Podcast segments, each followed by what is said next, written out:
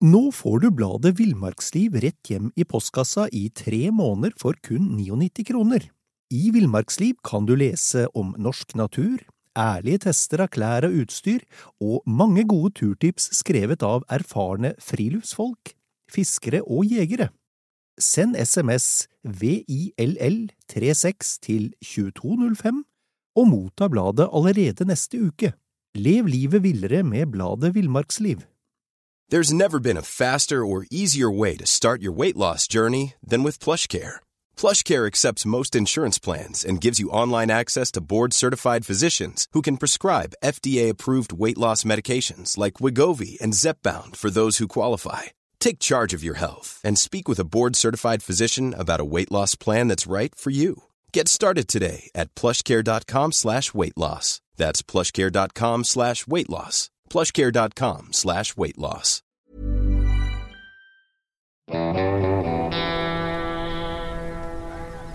Velkommen til podkasten Villmarksliv. Mitt navn er Alexander Bergan, og jeg er redaksjonssjef i Alt om fiske og journalist i bladene Villmarksliv og Jakt. Den første gangen jeg felte en hjort, var jeg usikker på hvordan jeg kom til å reagere. Hjortejakt er eh, nærmest en sakral øvelse. Det er mektig og dypt alvorlig. Og det jeg var mest fornøyd med, var hvordan alt gikk helt riktig for seg. Det var hvordan skuddet satt der det skulle, og hvordan bukken falt. Og da jeg senere kunne invitere noen venner på det beste kjøttet vi noen gang hadde spist, så var opplevelsen komplett. Den følelsen er jeg sikker på at eh, Joar Søhol har kjent på flere ganger. Joar er en allrounder når det kommer til jakt, fiske, fangst og høsting i naturen. Han er villmarkskokk og jaktguide, og driver den populære streamingtjenesten Jakt- og viltmatkanalen. Og han er en lokal matprodusent.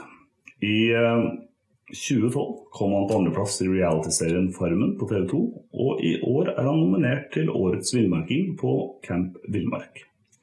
Og nå sitter vi sammen på Hafslo i kjellerstua hans og skal snakke om hjort. Og da fra planlegging av jakta til ferdig middag. Syns du det var en eh, grei introduksjon av deg, i år? Ja, det var en uh, veldig flott presentasjon, og tusen takk for flotte ord. Jeg vil si at Det er stor ære å få være med i podkasten deres. Jeg har vært ivrig lytter siden de starta. Så veldig kjekt at jeg skal få lov til å være med og delta sjøl. Det, det, er stort. Det er en glede å ha deg med. Så hjortejakta, hva, hva betyr den for deg? Ja, hva skal jeg si? Hjortejakta. Eh, jeg kan vel ikke si at hjortejakta betyr eh, alt for meg. Jeg, har jo en familie òg som eh, kanskje skal, må si at det betyr alt for meg. Men hjortejakta er, det er tett oppunder. Hjortejakta preger veldig mye av livet mitt helt siden jeg starta med hjortejakt. Men kanskje ja, mer og mer etter hvert. Nå er det jo fire måneder med hjortejakt. Det går jo fra 1.9. og til 23.12. Og nytt nå er jo at hjortejakta er utvida i to, eh, i to av terrengene mine. Så nå er hjortejakta ute i januar òg. Og så blir det da eh, driver mye med redigering av eh, jaktfilm. Jeg filmer jo veldig mye jegere da i sesongen i tillegg til å jakte sjøl. Og så er jeg lokalmatsprodusent og lager veldig mye forskjellig produkt ut av hjortekjøttet. Så jeg vil si at hjortejakta betyr ja, mye for meg. Og eh, ja, det preger egentlig hverdagen min, sånn som det er nå, ja. Men du har altså da mye annet å, å holde fingra i også, skjønner jeg? Med, med maten og Ja, det er, det er vel kanskje en del av alt, da. Hjortejakt er begynnelsen på maten og Ja, det er jo eh, jeg har nå òg drevet på i, i, matbransjen nå i 17 år. Eh, fått en del erfaring, eh, feila og lært. Eh, vært jeger nå lenge, vært jaktguide. Og så er det veldig mange som nybegynnere som stiller meg litt spørsmål og, og, ønsker å lære litt mer om, om, jakt, og spesielt mattips og sånt. Jeg er på ingen måte noen ekspert eller utlært på, på det jeg driver med. Men uh, da fikk jeg da inspirasjonen da, til å, å starte denne streamingtjenesten Jakt- og viltmatkanalen, der jeg kan formidle da, uh, jakt som underholdning, og der folk kan få lære uh, hvordan du kan bli en bedre jeger. Og, um, og lære å utnytte da, viltet best mulig. Da. Ja, når, når var det du startet opp den kanalen? Jeg starta den Jeg har jo laga en, en en DVD, 'Ville matretter'. Den lagde jeg med Kristoffer Klausen for veldig mange år siden. Eh, og så eh, gikk jeg på en liten smell med å starte to restauranter. Eh, så da ble det egentlig bare arbeid. Bare jobb, jobb, jobb. jobb.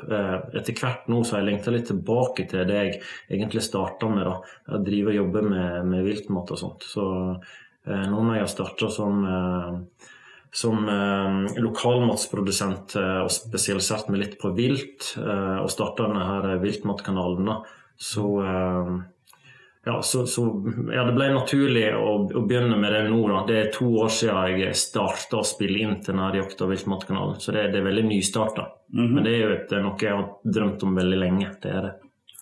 Men eh, hjortejakta den har du holdt på med i 19 år? Ja, jeg, eh, jeg, begynte jo eh, med hjortejakt da eh, jeg var 18 år. Jeg begynte jo med småviltjakt tidlig, og det begynte med da jeg var 16. Faren min tok meg med som da jeg var guttunge på småviltjakt. og jeg fikk jo ja, Jeg maste jo på han hele tida. Jeg ville jo bare ut på jakt med han hele tida. Og tok jo da jegerprøven da jeg var 16 og begynte som småviltjeger. Og etter hvert da så begynte jeg med, da med, med storviltjakta. Eh, og storjakta har jo tatt mer og mer over, da. Men var det en uh, Når du da var 18 år og, og felte din første hjort, var det da altså Fikk du hjort på første forsøk, eller hvordan eh, var dette? Ja, det, akkurat første hjorten min husker jeg egentlig veldig veldig godt.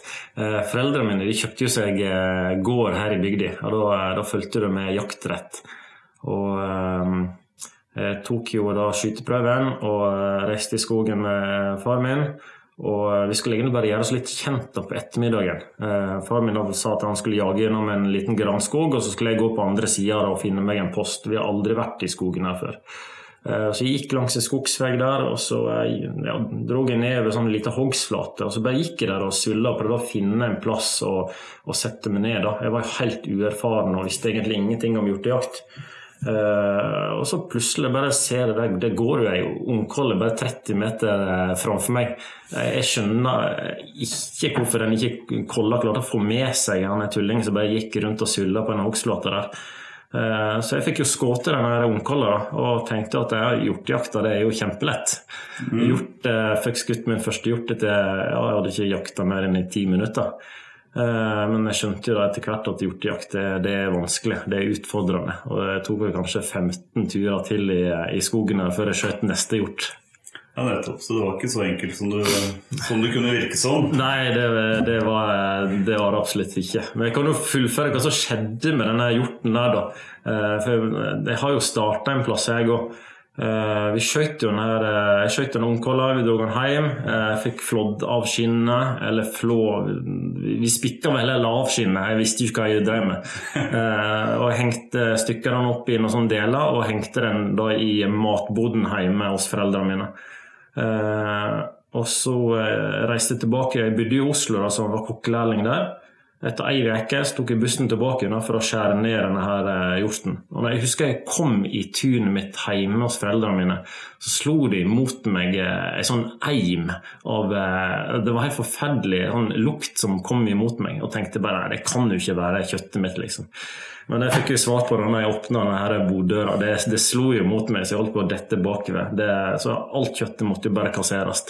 Så det var jo eh, Jeg ble skikkelig lei meg, eh, men det ble jo en dyr lærdom da av første viltet. Og jeg skjønte jo da at jeg, her må jeg ut og få lære litt mer og få litt mer kunnskap på hvordan vi skal behandle viltet etterpå. Så den eh, regelen om 40 døgngrader, den hadde ikke du fått Den hadde ikke jeg hørt om da, nei. Men det gikk ikke lang tid før jeg jeg satte meg inn i det der, da. For ja, det der skal jo ikke, det der skal jo ikke skje. Og jeg ble fryktelig, fryktelig lei meg, og det var første hjorten min. Nettopp. Så det, den glemmer jeg aldri, verken jaktsituasjonen eller hva behandlingen av kjøttet etterpå. Men når du jakter, er det for, er det for maten eller er det for opplevelsen?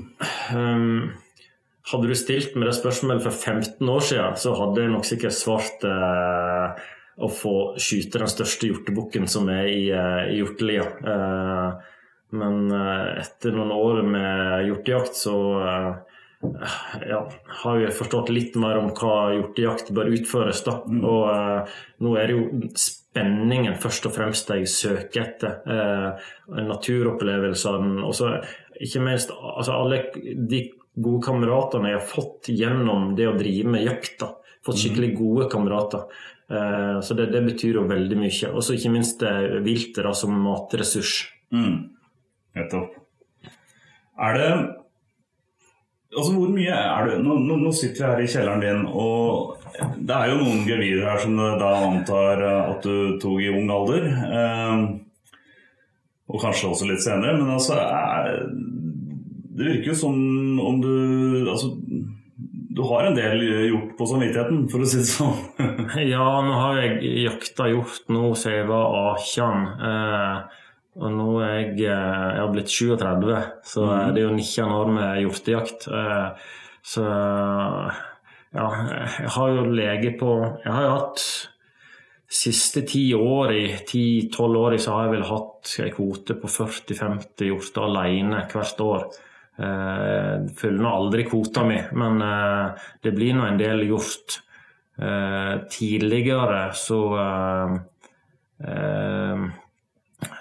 ja, kjøpte jeg vel litt mer bukkeløyve enn uh, enn andre løyve, fordi at jeg, jeg var med eh, i noe sånn jaktfilmprosjekt eh, der det var ønska at vi skulle filme mest mulig bukkejakt. Og da ble det jakt på mer bukk. Og det er vel en av grunnene til at det, det henger mer eh, bukkegevir her, at det henger en del bukkegevir her i, eh, i kjellerstua mi. da. Eh, men jeg, altså, jeg skyter fortsatt store bukker, men jeg prøver å begrense det. Nå slipper jeg heller forbi meg de største. Og ja, jeg skyter nå en, en, en fin bukk for året, skyter jeg nå. Men jeg har like stor glede av en liten bukk nå som en større bukk. Altså mm. Men uh, jeg har gjerne med meg noen, eh, noen venner uh, på, på, jakt som ikke har skutt storbukk før, og så vil jeg heller at de skal få skyte en stor bukk enn meg, da. Det er. Så nå har jeg bytta mer ut rifler med kamera for å kanskje mm. få gi andre den opplevelsen jeg har hatt. da. Nettopp. Mm. Den uh, boken, uh, første boken jeg skjøt, den uh, var jo en Det var en bøjakt. Men hva slags jaktform er det du syns er mest givende? Jeg har jakta mye på bø sjøl, men jeg stortrives med, med snikjakting. Men grunnen til at jeg er blitt snikjaktjeger, er jo fordi at jeg fikk til slutt ikke lov til å være med i jaktlagene, fordi at jeg drev en catering der jeg var veldig travel i helgene. Jeg klarte aldri å møte opp på, eh, på jakta. Um, og uh, de gangene jeg var med på, jaktlagene uh, og satt på post, så satt jeg bare og kjeda meg spint i hjel. Det kom aldri opp på min post. Jeg hadde alltid feil vind. Og jeg fikk stort sett bakposter. Og de andre skjøt hjort. Og siden jeg var med og hadde, erfaren, eh, hadde, god erfaring med flåing og portering, så var det stort sett jeg da som måtte flå mens de satt og drakk kaffe. Jeg parterte og fikk ofte den tyngste børa ned igjen. For jeg var yngst, og de mente jeg var sprekest. Så jeg fikk da tunge bører ned igjen. Så eh, min erfaring for å være med på jaktlag er kanskje ikke like god som eh, det jeg har hatt som snikerjeger. Så eh, etter hvert så har jeg gått over til å være snikjaktjeger og, eh, og stortrives med det. For da har jeg spenninger hele tida, kan velge meg rutene sjøl. Og ja, det kreves mye eh, det kreves mye av deg som jeger når du skal snikjakte. Det, det, er veldig vanskelig utfordrende. Det er det.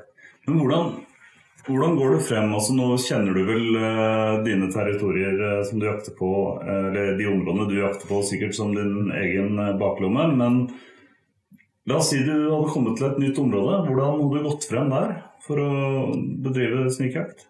hvis det skulle kommet til et helt nytt terreng så hadde jeg vel kanskje sjekka på flyfoto først, for å se hva området som har eh, ja, gode beiteområder, hogstflate. Hjortene er ofte ute på hogstflate tidlig på morgenen. og Så trekker de inn kanskje mot eh, noen høyder eh, på, på, dagen. Eh, er det veldig tette granskoger og litt nedbør kanskje, og sånn, så vil de trekke inn i granskogene på dagen. Og da kan du tenke deg at hvis eh, du går ut på hogstflata, eh, der har det garantert vært gjort i løpet av natta. Eh, men hvis det ikke er det på morgenen, så kan du prøve å gå litt rundt og kanskje postere litt før så bratte områdene, for ofte der hjorten vil legge seg på i dagleire. Ja. Um, og ehm, Så du tenker da Ja, da plotter du inn dine posteringsplasser eh, i forkant, mer eller mindre? da? Ja. ja. Eh, I hvert fall hvis jeg er ukjent i terrenget. Eh, I det terreng som jeg har sjøl som er veldig kjent, det vet jeg akkurat hvor jeg skal gå en for å komme i skjul. Jeg prøver å gå i det som jeg kaller litt sånn dødterreng, der jeg vet at det her pleier ikke hjorten å gå. Sånn at jeg kommer opp i, i samme høyde som hjorten i, i området der det er sånn bekkedaler sånn, så jeg kan gå i skjul for å komme opp på samme høyde som hjorten. For eh, her på Vestlandet er det veldig bratt. Eh, går du da i åpent terreng i bratta, så ser hjorten deg med en gang. Eh, for du som jeger klarer ikke å se et kollehove som stikker opp på 100 meter. Men en kolle som eh, ligger og ser nedover, ser jo hele jegeren med en gang. Så det, det, er, det, det går ikke an. Da vil ikke du lykkes med jakta. Så vi prøver å komme deg i skjul eh, oppover, eh, og så prøve å komme på samme høyde som der du tror hjorten holder til, da, dersom man går og beiter på, på morgenen, og eh, dersom man vil legge seg i dagleie. Og det er klart at uh, det her er ikke noe du gjør eh, på ettermiddagen, det her, det her er uh, tidlig morgen. Så. Ja. Uh, er det områder med gode bøer, så vil ofte hjorten være der på natta, så trekker han av bøene, og så beiter han seg rolig oppover til der han skal ha dagleie. Mm. Eh, og når hjorten driver og beiter på morgenen, da er han mindre oppmerksom, og det er lettere for deg som jeger å komme inn på hjorten. da. Mm. En hjort som ligger i dagleie, han sitter, ligger og følger med hele tida. Men det som eh, det som er litt spesielt med hjorten, da, eh, den går oppover, legger seg på dagleiet sitt, og så vokter hjorten på baksporene sine. Eh, for hjorten er jo ikke klar over at mennesker har forferdelig dårlig luktesans. Så den går jo ut ifra at rovdyr skal komme og bruke luktesans som dyra har veldig utvikla, og følge baksporene til hjorten. Så hjorten ligger jo på dagleie og vokter baksporene sine. Så kommer det ovenfra og jakter deg nedover på mm. hjort i dagleie, så har du veldig stor sjanse for å lykkes som, som jeger. Eh, jeg har kommet på hjort eh, ovenfra og ned, og det, de ser omtrent aldri opp noen gang. Så du må være i forkant hele tiden? Ja. altså? Men så er det da at vinden snur jo eh, på morgenen, eh, spesielt på Vestlandet. Jeg kan ikke si så mye terreng der det er flott og sånn, men på Vestlandet som, så kommer denne kalde høstluftdraget nedover liene. Eh, og da har du veldig god vind, eh, og, og, og får god vind i ansiktet, så du kan gå mot hjorten. Men når sola begynner å stige opp og varme, så går jo Da snur jo vinden. Da vil jo varmlufta trekke seg oppover. Uh, og Da er det litt viktig at du er over hjorten. Mm. Uh, så, så, når jeg uh, på morgenen så går jeg inn i terrenget, jakter kanskje i to-tre timer. og hvis jeg ikke lykkes, da, så går jeg ut av terrenget og så pleier jeg å følge noen turstier i kanten av terrenget, eller kjøre opp på fjellet hvis det er traktorvei opp. Og så jakter jeg ovenfra og ned da, på, på ettermiddagen. Jeg har hatt veldig gode jaktsituasjoner der jeg faktisk har kommet opp på fjellet før hjorten trekker opp. Og jeg har sett at veldig mye hjort de legger seg eh, kanskje 100 meter over skogen eh, og legger seg der i dagleie. Og Da har du ingen tre i veien og du har veldig gode skuddmuligheter. Da, mm. da legger de seg ofte i sånne små einerkratt eh, litt over eh, skoggrensa. Så Men eh, på hvilket tidspunkt på dagen er det da du tenker at du har skutt flest hjort? Eh, Stort sett så er det på morgenen. Og så har jeg hatt da veldig god eh, sjanse på ettermiddagen. Mm. Eh, så er det da at hvis du er i toppen av terrenget på ettermiddagen, da, sola går ned, så snur jo vinden og går ned igjen. Så det er veldig utfordrende det der hvor skal du være i terrenget. Okay. eh, men jeg gjør jo feil gang på gang på gang. Jeg er ivrig jeger og er ikke alltid klar å gi meg. Bare tenker jeg skal sitte litt til, skal sitte litt til. Har hjorten kanskje på 100 meter. Han skal bare gå og beite seg litt imot meg. Jeg vet at nå, er det, nå snart kommer vinden til å snu. Ser sola begynne å stige oppover. Tenker liksom at nå må jeg komme ut av terrenget. Så bare sitter der og venter og ikke klarer å dy meg. Ja. Istedenfor å bare trekkes ut av terrenget og prøve senere på dagen når jeg har god vind. Det skjer gang på gang. Jeg lærer jo aldri. Men altså, Jeg sier det her i teorien, men jeg klarer ikke å utføre det i praksis sjøl. Men når hjorten får ferten av deg, tar det lang tid før, du, før den roer seg og du Ja, det som kan er finne den igjen, eller? Det som er når du bare, bare driver med snikjakt i et terreng, så vil hjorten eh, trekke seg unna. Eh, jeg har sett at eh, hjortene trekker seg kanskje 300-400 meter unna. Eh, det jeg har sett ifra, ifra når jeg kom tilbake til bilen og speida i lia etterpå, så har jeg sett at hjorten har kanskje bare flytta seg 300-400 meter ifra meg. Men si at hvis jeg går etter hjorten og støkker den en gang til, da kan han fort springe over fjellet. Så eh, med fordel så eh, gå heller en annen vei hvis du har støkka hjorten. Ikke gå etter den, for da kan du presse den ut av terrenget. Og det er ofte det som skjer hvis du slipper en hund i eh, terreng, så vil du jage hjorten ut av terrenget. Og det samme hvis det går eh, mange ganger flere jegere. Og når han får lukt av flere jegere, man får lukt av flere av postrekker, så vil de bare ut av terrenget.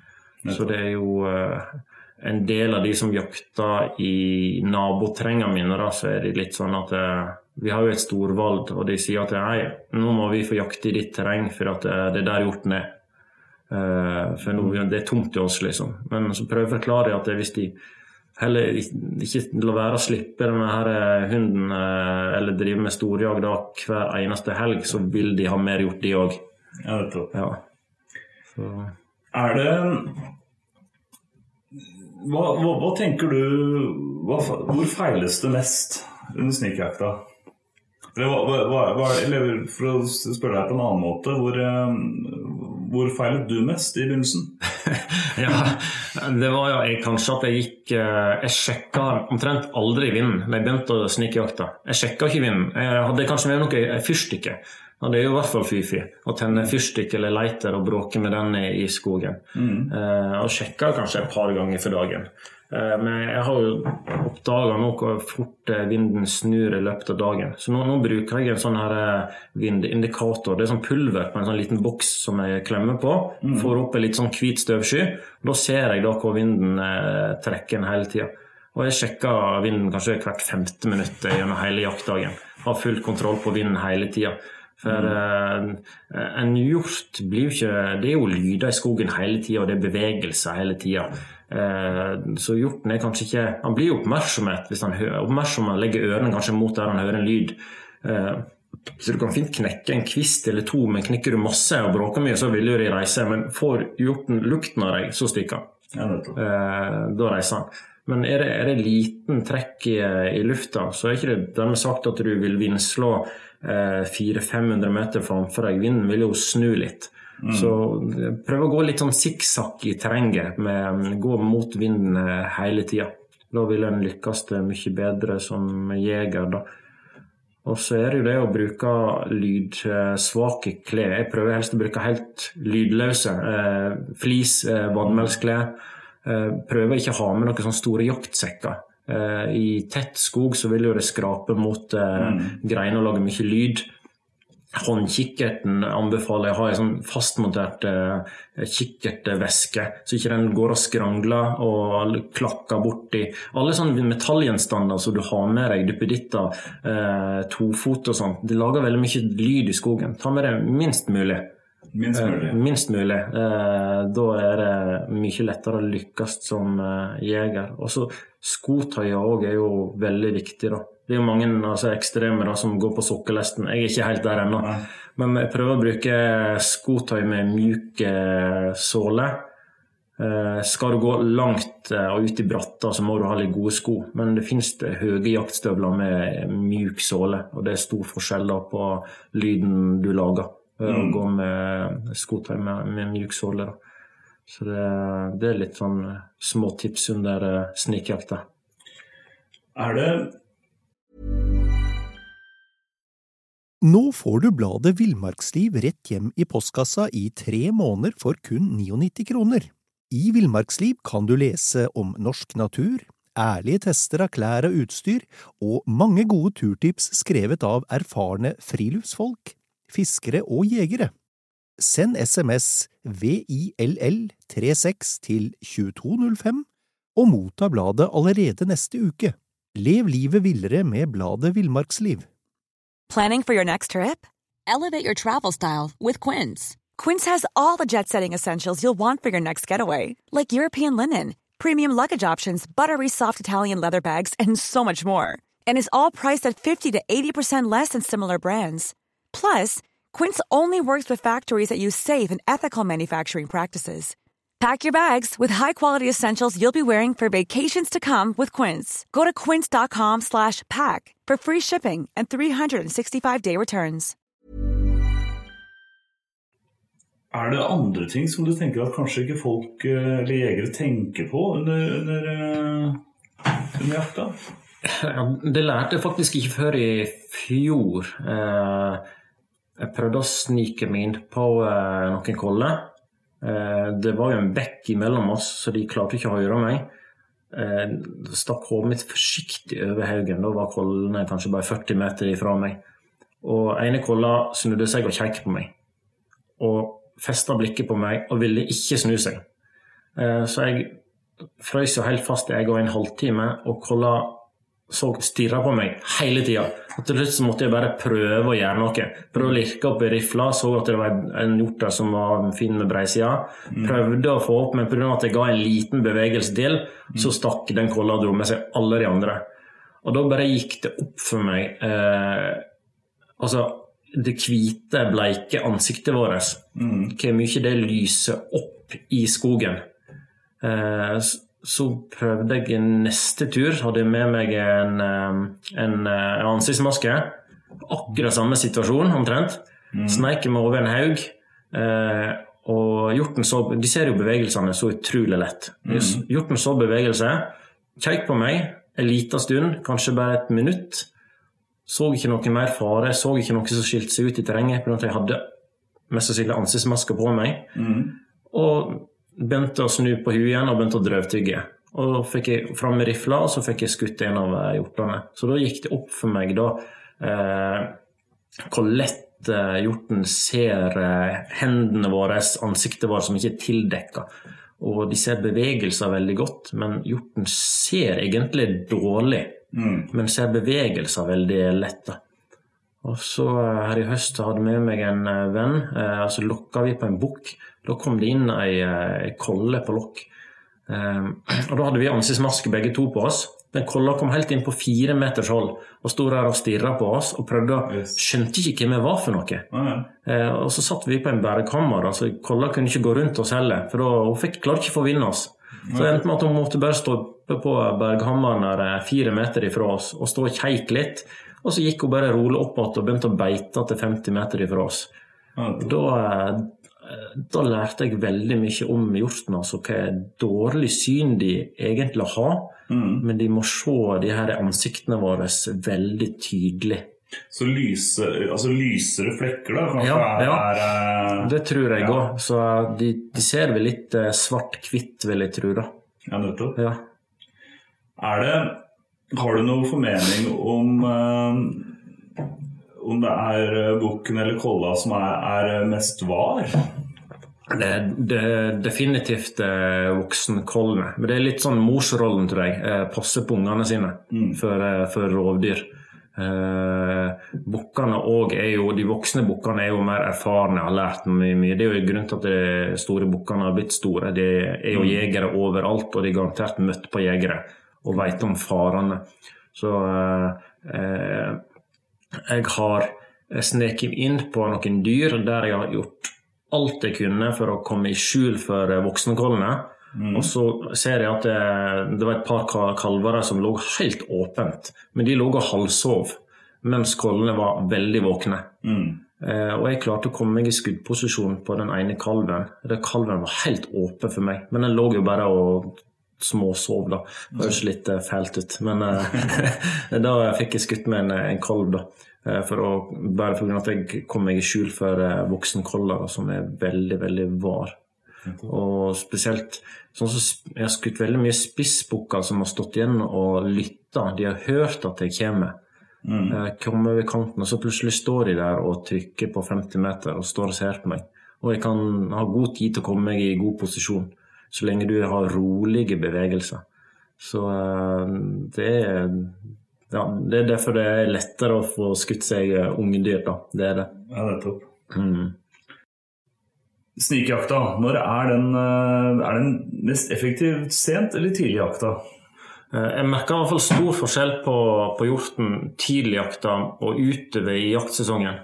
Eh, og En ser jo ofte at hjortene er veldig tidlig ute på bøene sånt, før jakta og første jaktdagene. Og med en gang jegeren begynner å jakte på bøen, så kommer da hjortene seinere og seinere utpå. Til slutt så kommer de bare utpå når det er mørkt. Og Det samme er jo egentlig når du snikjakter i skogen. Hjorten blir mer og mer var. Eh, det virker som de, de skjønner at nå er jaktsesongen i gang, nå må de passe seg. Ja, så det er det. Men så, er det liksom, så begynner det over til Eh, når det blir vinter, det blir minusgrader. Og Da er det mange som tenker at da, da bør ikke du jakte så hardt på hjorten. For da, hvis det blir 10-15, kanskje ned 20 minusgrader, da begynner jo hjorten å komme inn i sånn vintermodus. De blir tregere, mm. de skal spare energi. Eh, og de kan ikke drive og flykte for hver eneste mistenkelige ting. Da. For da bruker de opp alle fettreservene de skal ha med seg ute i vinteren. Så mm. da begynner hjorten å bli mer sløv og rolig. Eh, mange sier at da bør du ikke jakte, men eh, jakter du forsiktig da, eh, så kan du lykkes med å jakte ganske tidlig. At du slipper å gå gjennom hele skogen og støkke masse dyr. At da får, kan du lykkes med jakta med en gang. Hjorten mm. er mye roligere når det er veldig kaldt. Det er det. Ja. Um, vi snakket sammen uh, i går også litt sånn på telefonen, og da hadde du noen formening om kjøttkvaliteten i forhold til eh, dersom man bruker hunder, og, og, at, at, hjorten når den løper og, og er stressa. Men uh, vi kan snakke om det senere, for så vidt. Men... Ja, nei, det uh, Jeg uh, Hjorten jeg skyter, den er jo på snikjakt. Mm. men jeg har fått smakt en del hjortekjøtt av andre, og tilberedt en del kjøtt Eh, som jeg har fått av noen andre. Eh, og det har vært ifra der det har blitt jag eh, og jakt med hund. Mm. Og jeg merker stor forskjell på, på kjøttet der. For at Hjorten blir stressa, produserer masse melkesyre. Mm. Og det er ikke så lett å få ut at altså, Kjøttstrukturen blir så knallhard. Og det er veldig vanskelig å få det skikkelig gode, møre kjøttet hvis dyret har blitt stressa. Så for deg så er det snikjakt, men det er også brøljakt. Ja. Skal vi snakke litt om det også? Det kan vi gjerne snakke om. Det er jo eh, høydepunktet hvert år. Det er jo sånn, Jeg kjenner bare det kribler i magen bare du nevner brøljakt. Sesongen kan ikke komme tidlig nok. Hva er det som gjør, hva er det som gjør brøljakta så spennende? Altså, Hjortebrøla altså, de er så mektige. Eh, det er så, eh, det er så rått å gå der i, i skogen og høre på sånne kraftige hjortebrøla, Altså nakkehåra eh, røyse seg. Og du føler jo at disse hjortebukkene som brøler, at de er fem ganger så store som de egentlig er. da. Ja. Så det, nei, det er jeg håper mange får oppleve det der. da. Men samtidig med, sånn med brøljakt og sånt, så det er grunnen til at det er brøling et, et terreng. For er, der er det masse koller, og da kommer bukkene der. Uh, og da kommer det òg flere bukker, og da blir det aktivitet. Så skal du ha et brøljaktterreng, så må du jakte rolig og forsiktig i terrenget. Da kommer dyra der, og da blir det aktivitet. Og det er moro. Eh, men samtidig så må du være forsiktig med ikke skyte for mange av disse store bukkene. Mm. Begrense det litt. Grann, da. Jeg har, eh, jeg har noe terreng som det er lite brøling i, og så har jeg noen terreng som det er veldig masse brøling i.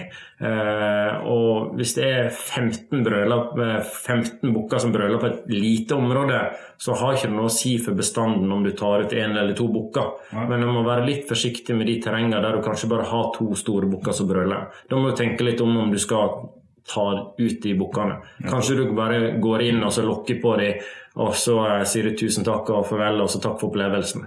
Ja, for er, det, er det like morsomt å bare brøllokke på den eh, som det er å, å felle den?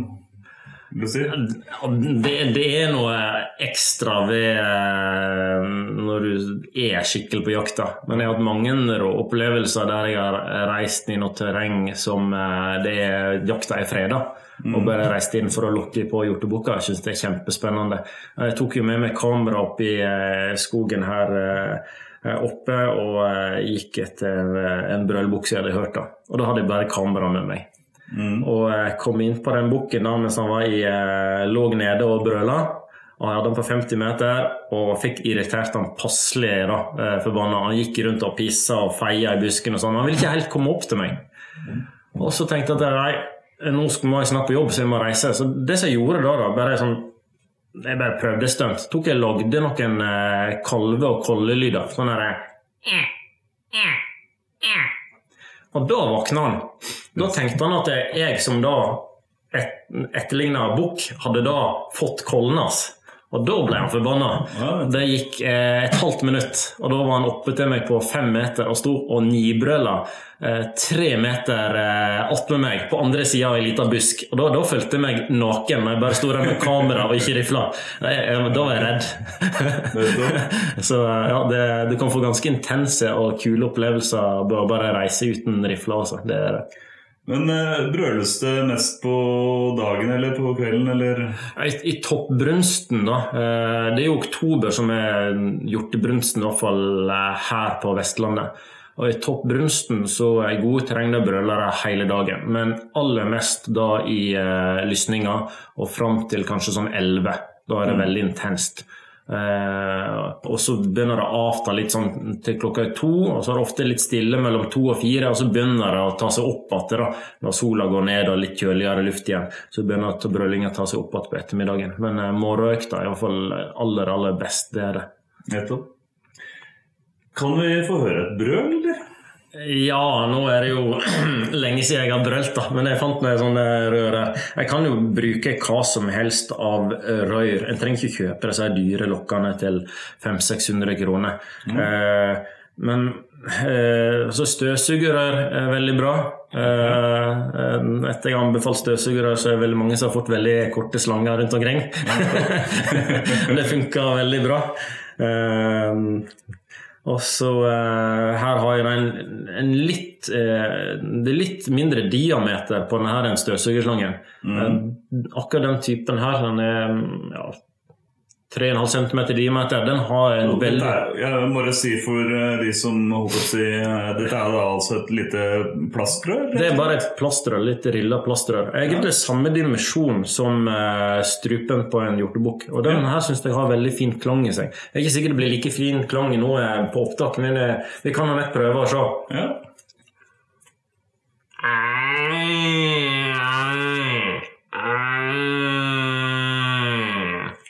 Så, men det her er jo da et hjortebrøl, eh, men det er ikke det vi har sagt at det, det er den lyden jeg lager når jeg skal lokke på en hjortebukk. For jeg har lyst til å ha oppmerksomheten til eh, bukken, som jeg eh, skal prøve å få sett eller skutt. Eh, ikke lyst til å skremme disse her eh, hjortekollene. For det, du har, du har harenbukkene, da. Harmbukkene de har liksom kolle rundt seg. Og så har du alle disse ungdommene da, som kanskje ikke har, har noen kolle. Og de er disse røverne da, som skal komme og ta kollene. Og de er litt sånn jeg vil si, voldtektsbukker. da. Og de er jo ikke noe så veldig populære på disse her eh, kollene. Jeg har observert dette veldig mye. da. Og det som skjer, er jo når disse ungdommene skal komme da, og innpå så, og, og prøve å pare seg med disse kollene, så springer de av gårde stikker av. Så hvis jeg da kommer innpå eh, der det er en del koller, eh, harenbukkene Harenbukken er jo veldig forsiktig med kollene sine, han passer jo på dem. Eh, hvis eh, kollene prøver å stikke av, så går jo harenbukken rundt og stanger litt på dem for å samle dem igjen til sitt, sin plass. Eh, men hvis jeg driver og, og brøler kraftig og kommer innpå, så vil jeg skremme Eller ikke skremme, jeg vil gjøre sånn at kollene vil trekke seg mer og mer unna. For de har ikke lyst til å ha en sånn voldtektsbukk innpå seg. De vil være med den hardbukken som er rolig og avslappa. Uh, og, så jeg vil egentlig bare få oppmerksomheten til bukken. Mm. At det her er jeg. Uh, og så har jeg ikke lyst til å skremme kollene, så jeg lager ofte bare et sånn lite, lite grynt. Ofte bare sånn og Det er helt sånn rolig, bare for å nett få oppmerksomheten til bukken. Men uh, når jeg brøler, så må jeg, uh, passer jeg alltid på at jeg har riktig vind. for bukkene har jo ikke lyst å, å slåss for mye. Hvis de skal bare slåss, så vil jo de bli hardt skada. Og, og, de vil jo fungere dårlig med paringer. Eh, så de, de, veldig ofte så vil de trekke seg inn på vinden. Og de kan trekke seg inn en ganske stor bue på vinden. Jeg har sett opptil 100 meter ifra meg. Jeg har en bukk over meg på 60-70 meter, og så har jeg sett at han tar går 100 meter skrått nedover for å få lukt av meg. Ikke fordi han tror at jeg er et dårlig å brøle at hva her er for noe, men at det, det vil lukte hva bukk er det som prøver å komme innpå. Og så kan det hende at han vil innpå og lukte En annen bukk kan komme og lukte om det er noe kolle i området til der brølet kommer ifra. Mm. Så, så hjortebukkene bruker veldig mye vind for å sjekke ut hverandre. Mm. Og da er det umulig for deg som jeger å få skutt hvis du har dårlig vind. Si du har en eh, hjortebukk på 60-70 meter ifra deg. Du har litt sånn 30-40 eh, grader ifra deg, så har du litt dårlig vind. Da skal ikke bukken gå mange meterne før han har lukta deg som jeger. Og Da tar han med seg kollene sine og så eh, reiser han. Så ikke brøl før du har skikkelig god vind. Men jeg skal opp, fortelle om en liten opplevelse som jeg hadde når jeg virkelig prøver å få skikkelig god vind. Nå skal jeg ha den bukken, skal ikke lokke før jeg har god vind. Satte meg opp på en bærekammer, hadde vind i ansiktet og lokka på bukken. Eh, hvis jeg hadde sett med Tom termisk håndholdt at han var alene, men han ville ikke komme. Han ville ikke komme, han svarte meg, han var rasgal, men han ville ikke komme. Det var ikke snakk om. Lokka på han lenge og lurte på liksom, om vi skulle begynne å snike oss inn på han. Da. Så plutselig fikk vi et vinddrag, eh, ikke mot bukken, men rett nedover. Okay. Og det fikk jo òg bukken med seg, at vinden snudde. Så da gikk han rett inn, ned og inn på vinden. Og fikk lukta oss, full kontroll og stakk. Skjønte at det her var muffins. Ja, så eh, de bruker vinden veldig mye. Så det, så det jeg prøver egentlig å brøle minst mulig når jeg driver med brølejakta. For jeg har egentlig ikke lyst å røpe min posisjon for å gi bukken muligheten til å gå rundt og inn på vinden. Så mitt tips er brøl minst mulig for å lykkes. Når uh, enten du har sniket deg inn på den, eller du har lokka den til deg med brøling, eller for så vidt uh, at du har skutt den på bøen uh, På et eller annet tidspunkt så kommer rifla opp, og du kommer i, i skuddposisjon. eller du får gjort den i skuddposisjon. Hva, hva må man tenke på da? Eh, det er jo da eh, vel, eh, Jeg driver jo og parterer veldig mye hjort for andre jegere. Uh, og jeg, veldig mange får ikke skåret ned hjorten av meg for at de har hatt for grå skuddvinkel. Innbog, inn bog, ut vom. Og Da får du vomgris i eh, kjøttet. og Da ødelegger du veldig mye av kvaliteten. Og du ødelegger rett og slett mye kjøtt som må kasseres. Mm. Så eh, det er mye bedre å vente til du har full breiside på, på hjorten. Som du får i skudd inn bog og ut bog. Mm. Uh, spesielt de som driver med måneskinnsjakt på Bø hvis du klarer å se at du ikke ser fire bein, så står ofte hjorten eh, med fin breiside. Ja. Ser du flere enn uh, to bein, så mm. står ofte hjorten litt på, på skrå. Og så er det jo det med uh, ja, skudd i nokke fra sida. Uh, det er jo da Det har jeg erfart sjøl, dessverre, at det er ikke så lurt. Det er veldig liten blink. Mm. Eh, det er mye kjøtt på en bukkenokke, veldig lite eh, nokkebein. Som, mm. som, da blir den vitale delen du skal treffe. Da. Så så skal du ikke absolutt skyte i nokken, så skyt rett forfra, eller rett bakfra. Da er det mye større sjanse for at du ikke blir ettersøkt. da. Nettopp. Eh, Men aller helst altså hjerte og lunge ja, og så for side. kvaliteten på kjøtt òg. Eh, eh, altså du har jo, eh, altså når du skyter i, inn i maskinrommet på, på hjorten, så vil jo dyret mye mer blø ut. Eh, da tømmer du alle blodårene som er inni slaktet for blod. Og da kan du møne kjøttet mye lengre. Eh, skyter du da i nakke, rygg, så vil ikke dyret blø ut. Eh, Da må du bort og stikke dyret. Og da har du kanskje fort bare ett eller to minutter på deg å stikke dyret for at det skal få blø skikkelig ut. Mm. Da setter du da kniven inn i eh, brystgropa, vrir kniven litt rundt, og da vil du se at det spruter ut masse blod. Mm. Er du litt for sein, så anbefaler jeg stikke, og så humpe litt oppå dyret. For å pumpe, hjelpe hjertet til å pumpe ut blodet. For å få tømt eh, blodårene for eh, for alt blod. og Da, da unngår du at s- slaktet vil surne før det hele tatt nådd 50-60 grader. Eh, ja, du får mye bedre kvalitet på, på kjøttet. da.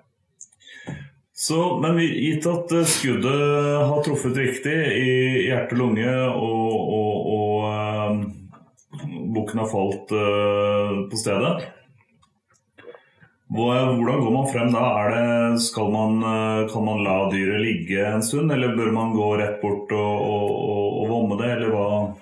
Eh, har jeg skutt da bare i mas- maskinrommet, ikke truffet vomma, eh, som da er riktig, så vil jo da vomma blåse seg opp. Den vil, eh, på grunn av gassen i magen så vil den eh, blåse seg opp.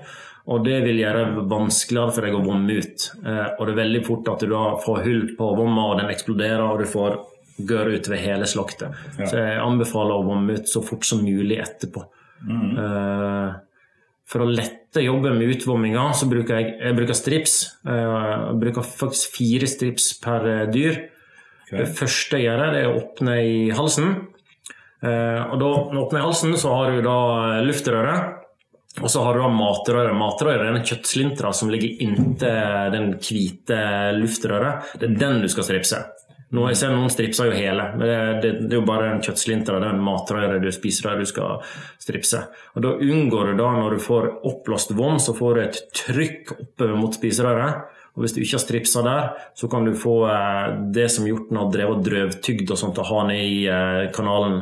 Der det vil da komme inn i halsen, og eh, eh, ja, det blir, du får ødelagt kjøtt. da. Nettopp. Så stripser jeg igjen der, og så tar jeg opp, eh, spretter jeg opp vomma. Og jeg liker alltid å legge hjorten på samme side hele tida, for da vet jeg hvor jeg skal finne den delen fra vomma. Eh, Da har du da eh, matrøret som går fra vomma og inn i mellomgulvet. Der setter jeg på to strips. En strips for å lukke matrøret inn til mellomgulvet. En strips da for å lukke vomma, og så skjærer jeg da imellom. Uh, og den, uh, det ligger da attmed milten. Der ligger da denne, eh, denne matrøret der.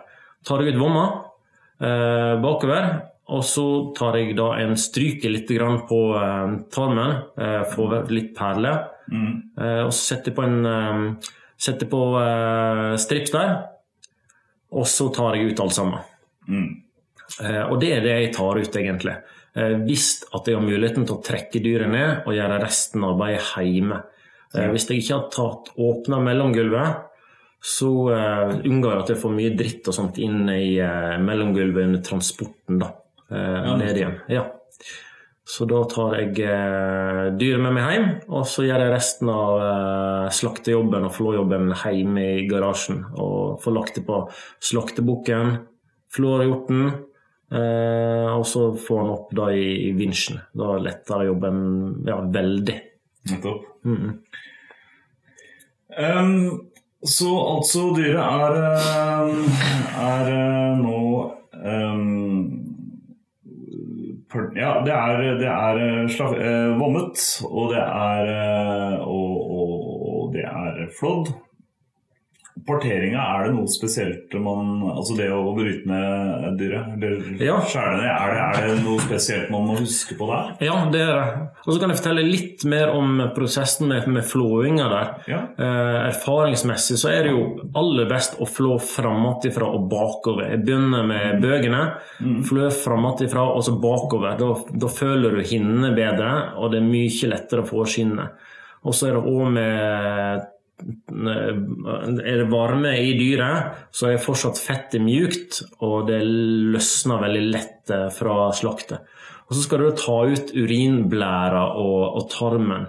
Og Der ser jeg at det faktisk de fleste feiler som eh, av, eh, Jeg får inn en del slakt til nedskjæring, og jeg ser at det er veldig mange som feiler akkurat der. Og da får ikke de nedskjærte hos meg, da. At de har fått hull på eh, på eh, blæra eh, og få urin da på indrefileten. og sånn. Det kjenner jeg med en litt stram lukt.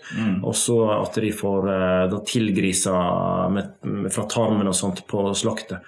Eh, Så der må du bruke god tid. Aldri stresse når du tar og slakter. Ta deg slaktepils, eh, kos deg med jobben og bruk god tid på det. Da får du et godt resultat.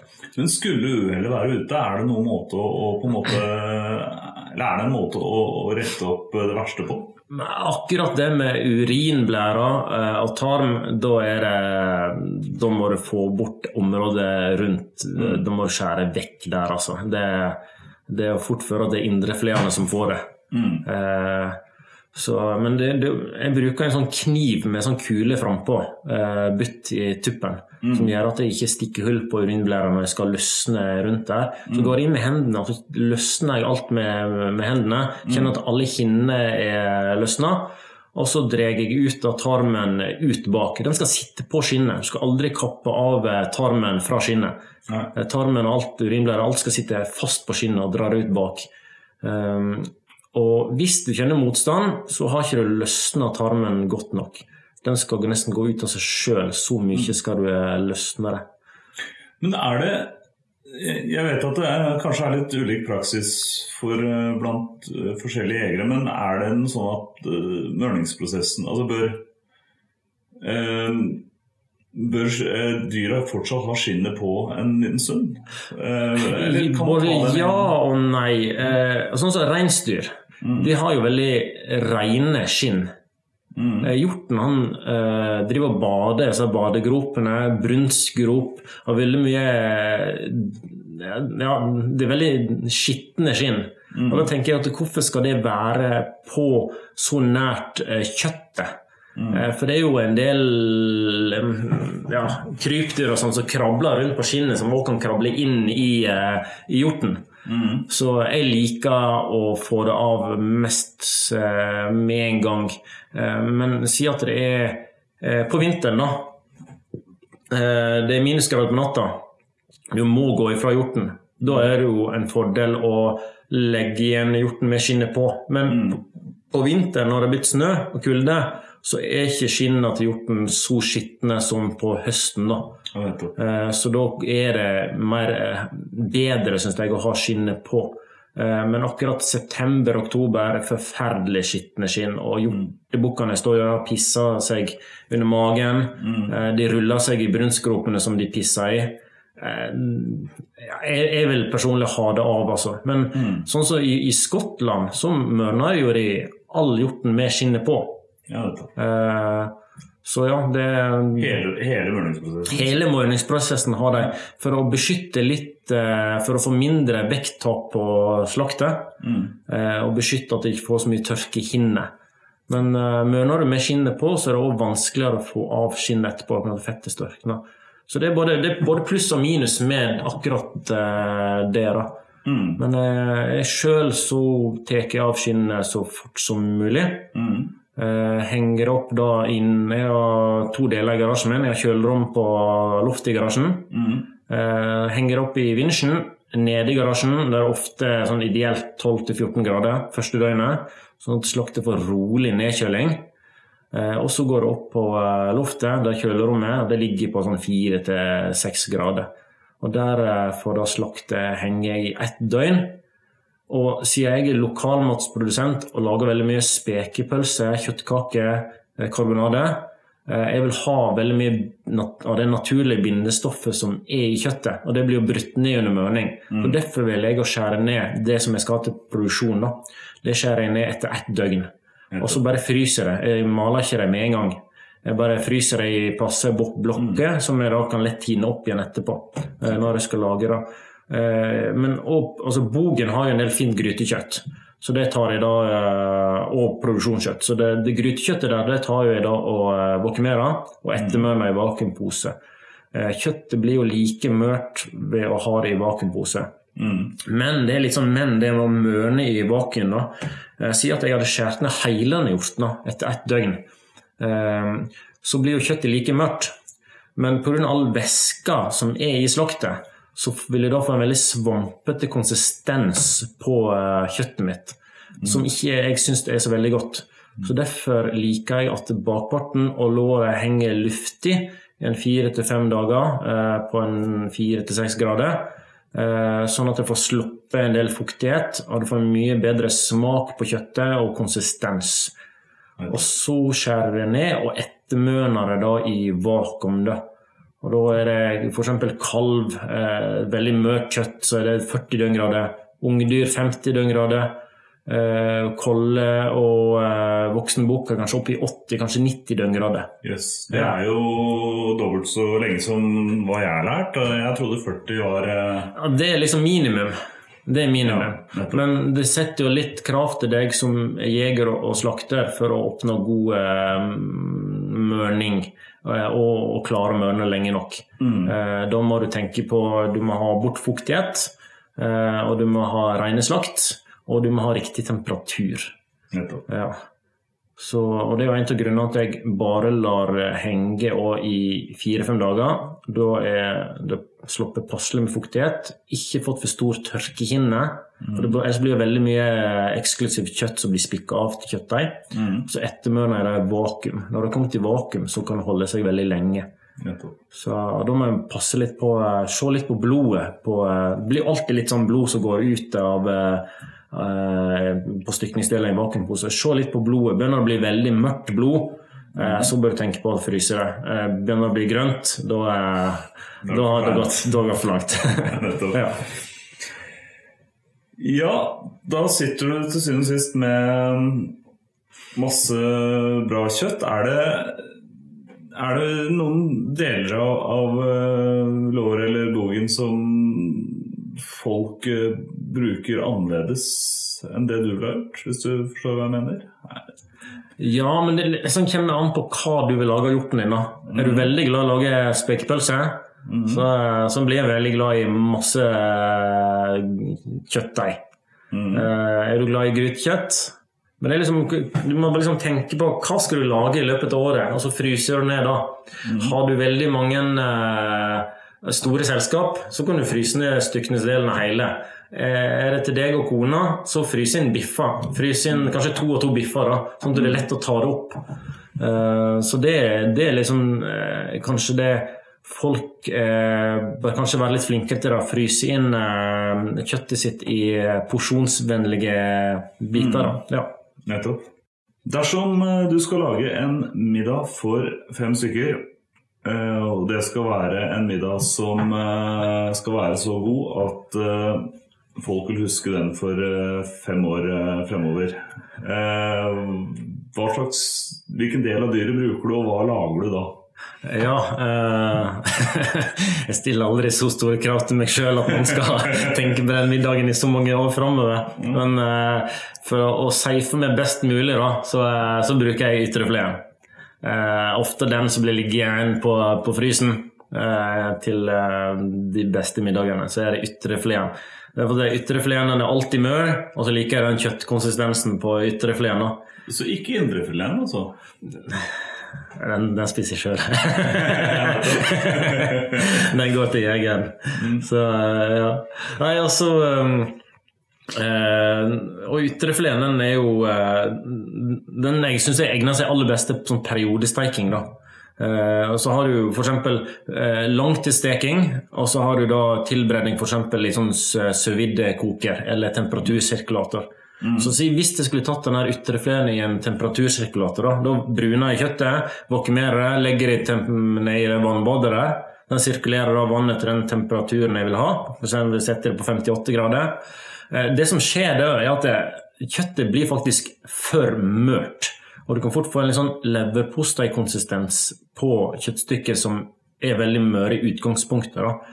Eh, skulle jeg ha langtidsstekt denne ytre fileten, eh, så vil jeg da tørke ut kjøttet. Hvis jeg har lav temperatur, setter på stekeovnen, så vil jeg tørke ut kjøttet. Jeg får veldig fint rosa kjøtt, men eh, det vil bli tørrere. Eh, og Derfor liker jeg veldig godt å periodesteike. Eh, Hvis jeg da skulle hatt eh, kjøttstykket inni Sier at det tar 15 minutter å steike den ytrefileten. og peis det inn i ovnen på 200 grader. Eh, Det som blir skjedd, er at du sprenger den kjøttsafta ut av ytrefileten. Og så får du da ja, Det blir ikke noe bra resultat. Du får det som jeg kaller for en restaurantbiff. Eh, masse blodvæske som tryter ut, og ja, det er ikke bra. Eh, så jeg liker veldig godt å periodesteike. Det vil si at jeg setter ovnen på 200-220 grader. Antar at han vil ta kvarter i ovnen ut ifra størrelsen. Starter da med fem minutter inn i ovnen. Så tar han ut, så hviler han i fem minutter. Og det som skjer er at Kjøttsafta får lov til å, som da vil egentlig ut under varmebehandling, det vil trekkes tilbake igjen og fordele seg innad til kjøttet. Men har, har du da en stekeinne først, eller har du Ja, brune kjøttet først, ja. ja. Brune kjøttet, så da får lukka porene. Eh, men det vil jo ikke bli helt lukka, for for tøff varmebehandling så vil kjøttstafta gå ut. Og så kjører jeg en ny runde på fem minutter, fem minutter hviling. Så når det nærmer seg sånn medium minus, jeg jeg liker kjøttet medium, jeg da. Når det begynner å nærme seg medium minus, så går jeg ned på intervallene. Da, kortere og kortere tid, sånn to minutter og to minutter hviling.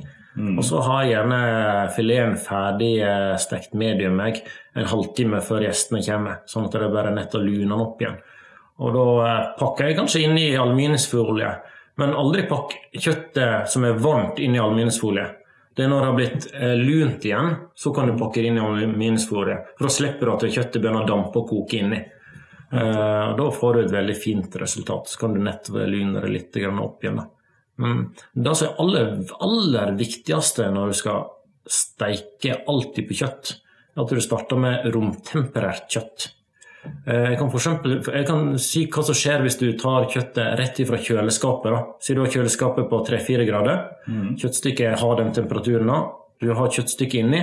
Da tar det veldig lang tid før eh, kjøttstykket har oppnådd den temperaturen for å gjøre kjøttstykket medium. Da kan du få en sånn halv centimeter grå hinne, og så får du bare rosa i midten. Det er det som skjer hvis du begynner å tilberede kjøtt som er rett ifra kjøleskapet. Hvis det er temperat- temperert, dvs. Si at det bare ligger på kjøkkendisken et par timer, kommer an på størrelsen på steika. At de har samme temperatur som rommet da, eh, når du skal begynne å steike på det. Og da får du den flotte rosa hinna, snittet gjennom hele kjøttet. Mye mer delikat og fint. da. Nettopp. Hva serverer du dette her med? Eh, ja, hva jeg lager veldig ofte, da. Eh, veldig glad i eh, hasselbakkpoteter. Det ser delikat ut og smaker veldig godt. Da er det bare å skjære skrellepoteter. Skjære den i tynne skiver, ikke skjære helt igjennom. Harde til en halv centimeter på poteter. Det, det trikset er jo egentlig å bruke to skjærefjøler. Og så legger du poteter i kanten på den ene skjærefjøla, og så setter du bare kniven ned, sånn at kniven stopper i den ene skjærefjøla, så du har igjen en halv centi. Tynne, tynne, tynne, tynne snitt. Og så legger jeg på en smørklatt inn i ovnen på 200 grader, 220 grader i 40 minutter. Og fantastisk eh, god potet. Og så er jeg veldig glad i bærsauser til vilt. Jeg plukker veldig mye forskjellige bær som jeg lager saft av. Jeg plukker krekling, jeg lager kreklingsaft. Eh, Svartsurbær, det er sånn aroniabær som egentlig er hagebusk. Eh, og så plukker jeg rips og solbær, blåbær, lager saft ut av det. Og så lager jeg da sauser av det. da. Det syns jeg er fantastisk godt. siden du skal lage kreklingsaus. Da Da tar jeg eh, kreklingssafta i en kjele, koker opp, kanskje med en eh, halv eh, sjalottløk i. Og så tar jeg litt buljong. Eh, hvis safta ikke er så veldig eh, søt, eh, så tar jeg opp kanskje litt brune sukkerbiter. Eh, litt grann buljong, eh, litt eh, rødvinseddik. Så koker jeg det der til ca. 50 ned. Tjukner med maizena til å få en fin sånn sauskonsistens. Og så bruker jeg da godt smør, og da rører jeg inn rikelig med godt smør. Uh, du må ha sånn skikkelig godt Du kan ikke ha plantemargarin, for da vil sausen bare sprekke. Da rører jeg bare inn smørterninger. Uh, og så må en smake da, finne balansen mellom det søte og det syrlige. Da, kanskje litt kverna pepper i etterpå. Det er fantastisk god saus, og det kan du gjøre med alle disse her, uh, bærsausene. Mm. Mm. Og den nytes best med vin eller med øl? Jeg er veldig glad i rødvin. Det er jeg. Ja. Ja. Da tenker jeg vi har vært igjennom eh, hjortejakta. Fra planlegging av jakta til um, servert uh, et festmåltid. Ja. Et, så um, da er det vel kanskje gjenstår det bare å ønske skitt jakt. Ja. Det er plutselig er sesongen her. Plutselig er sesongen her. Takk for at du stilte opp i poden, og uh, skittjakt. Tusen takk.